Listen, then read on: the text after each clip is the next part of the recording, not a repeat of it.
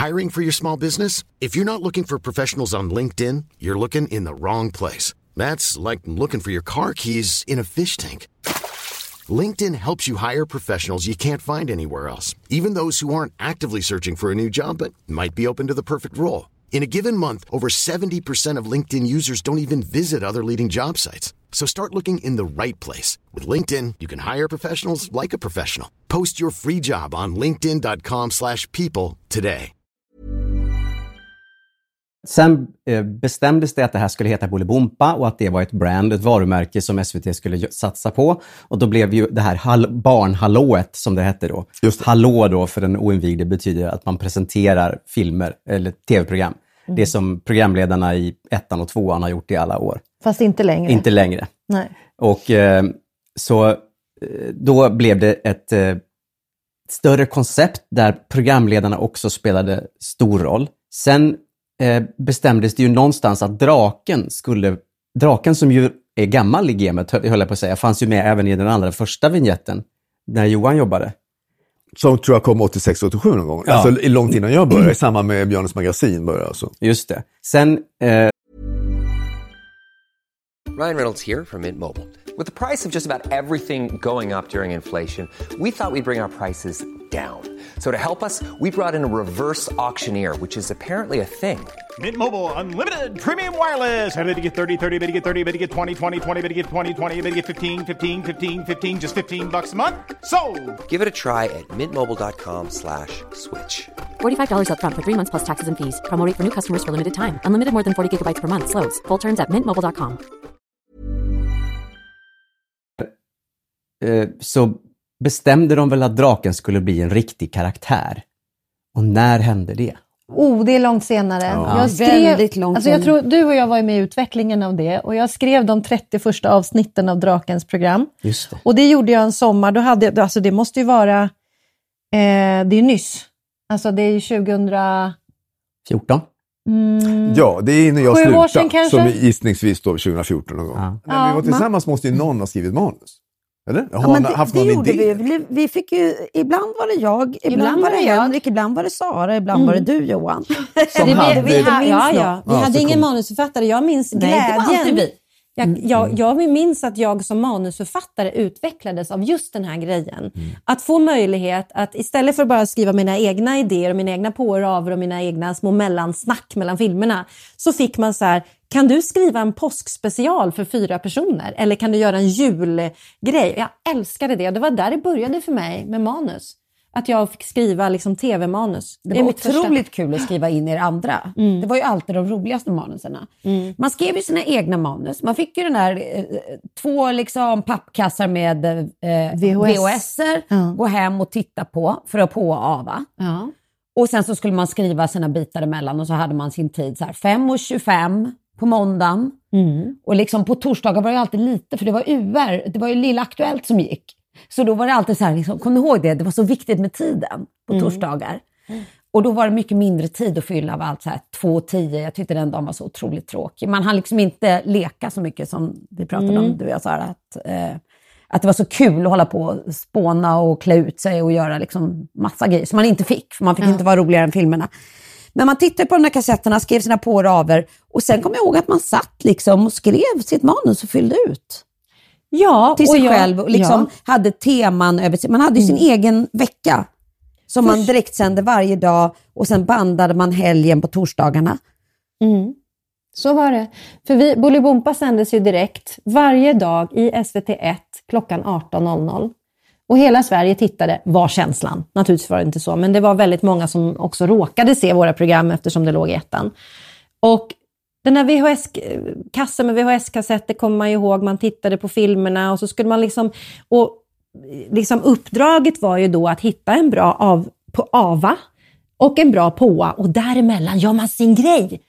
Och då var det så okej, nu ska vi ehm, eh, prata om, eh, så här, ja men vi har tema eh, Eh, 60-tal till exempel, vad kul. Ska vi berätta om det? Då gick man själv ner till kostymförrådet och hittade saker. Man gick själv till till eh, Rekvisitan. rekvisitan. Ja. Och sen kom man till studion. Ofta hade jag, det var säkert samma för er, ett tema som gick måndag till lördag. Alltså hela veckan hade ett tema.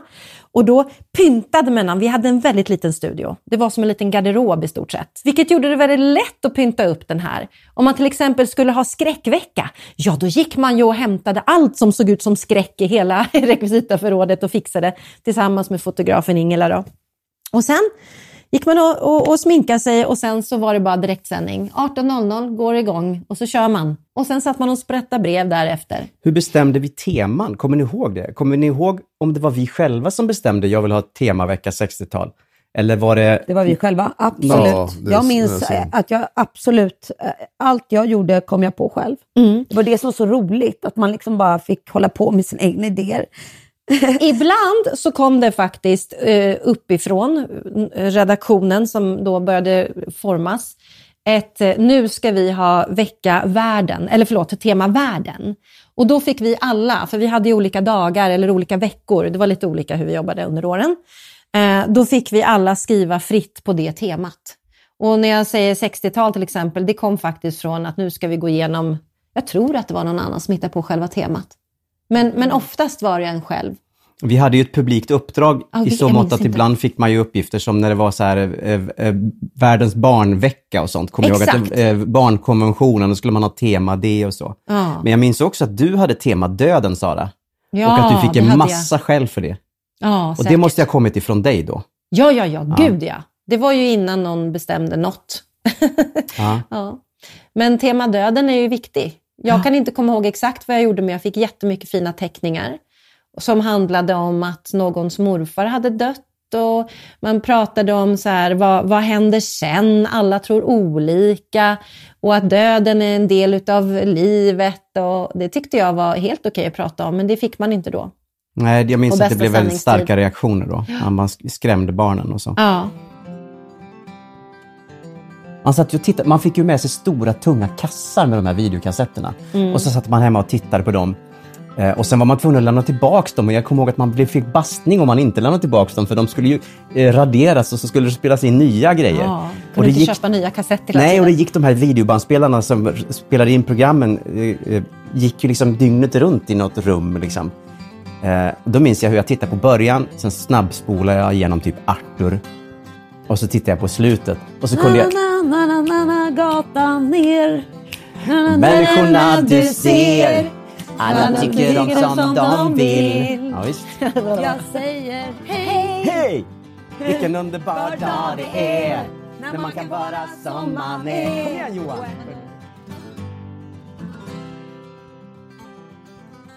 Nej, men vi var i PK3 först, i den lilla, det var ju en sån så kallad hallåstudio, där de också påannonserade väl program generellt va, på SVT.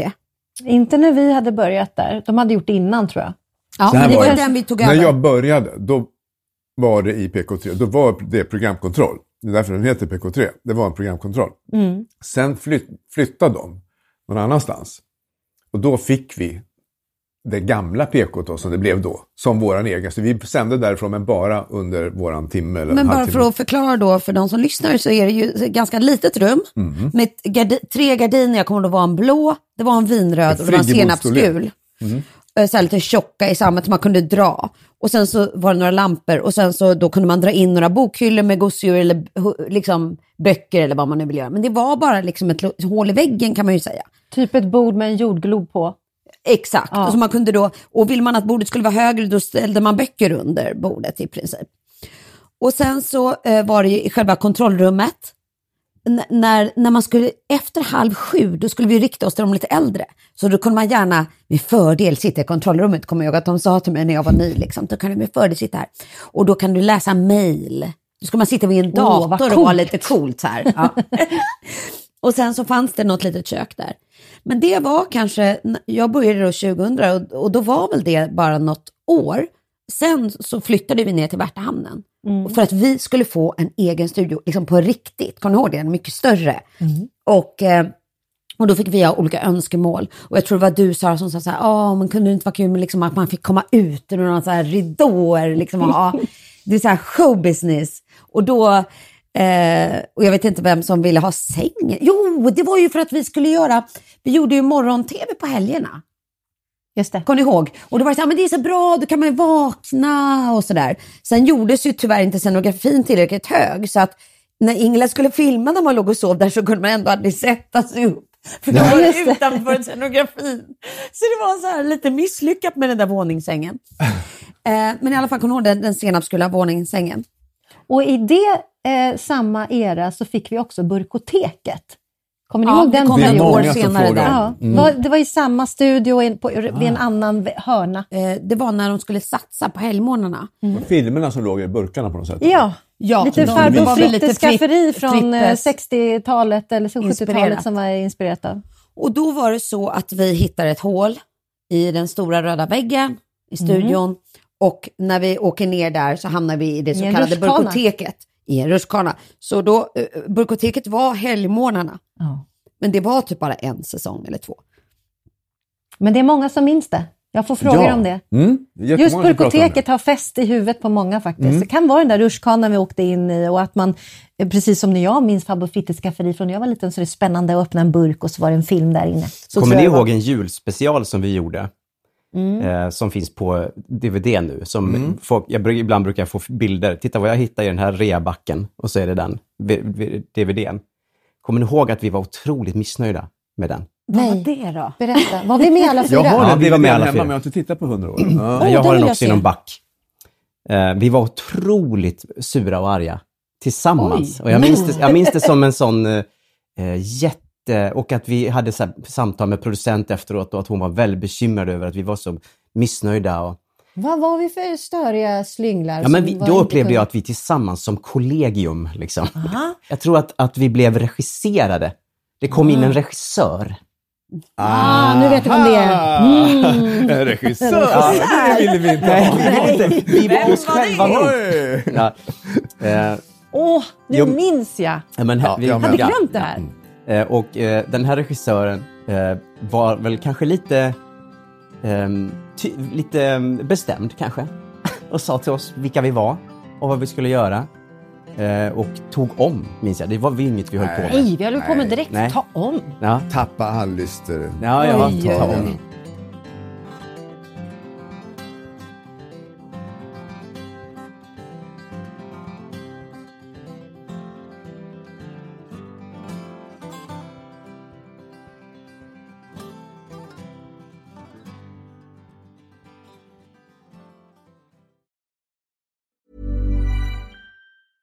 Hey, it's Paige DeSorbo from Giggly Squad. High quality fashion without the price tag. Say hello to Quince.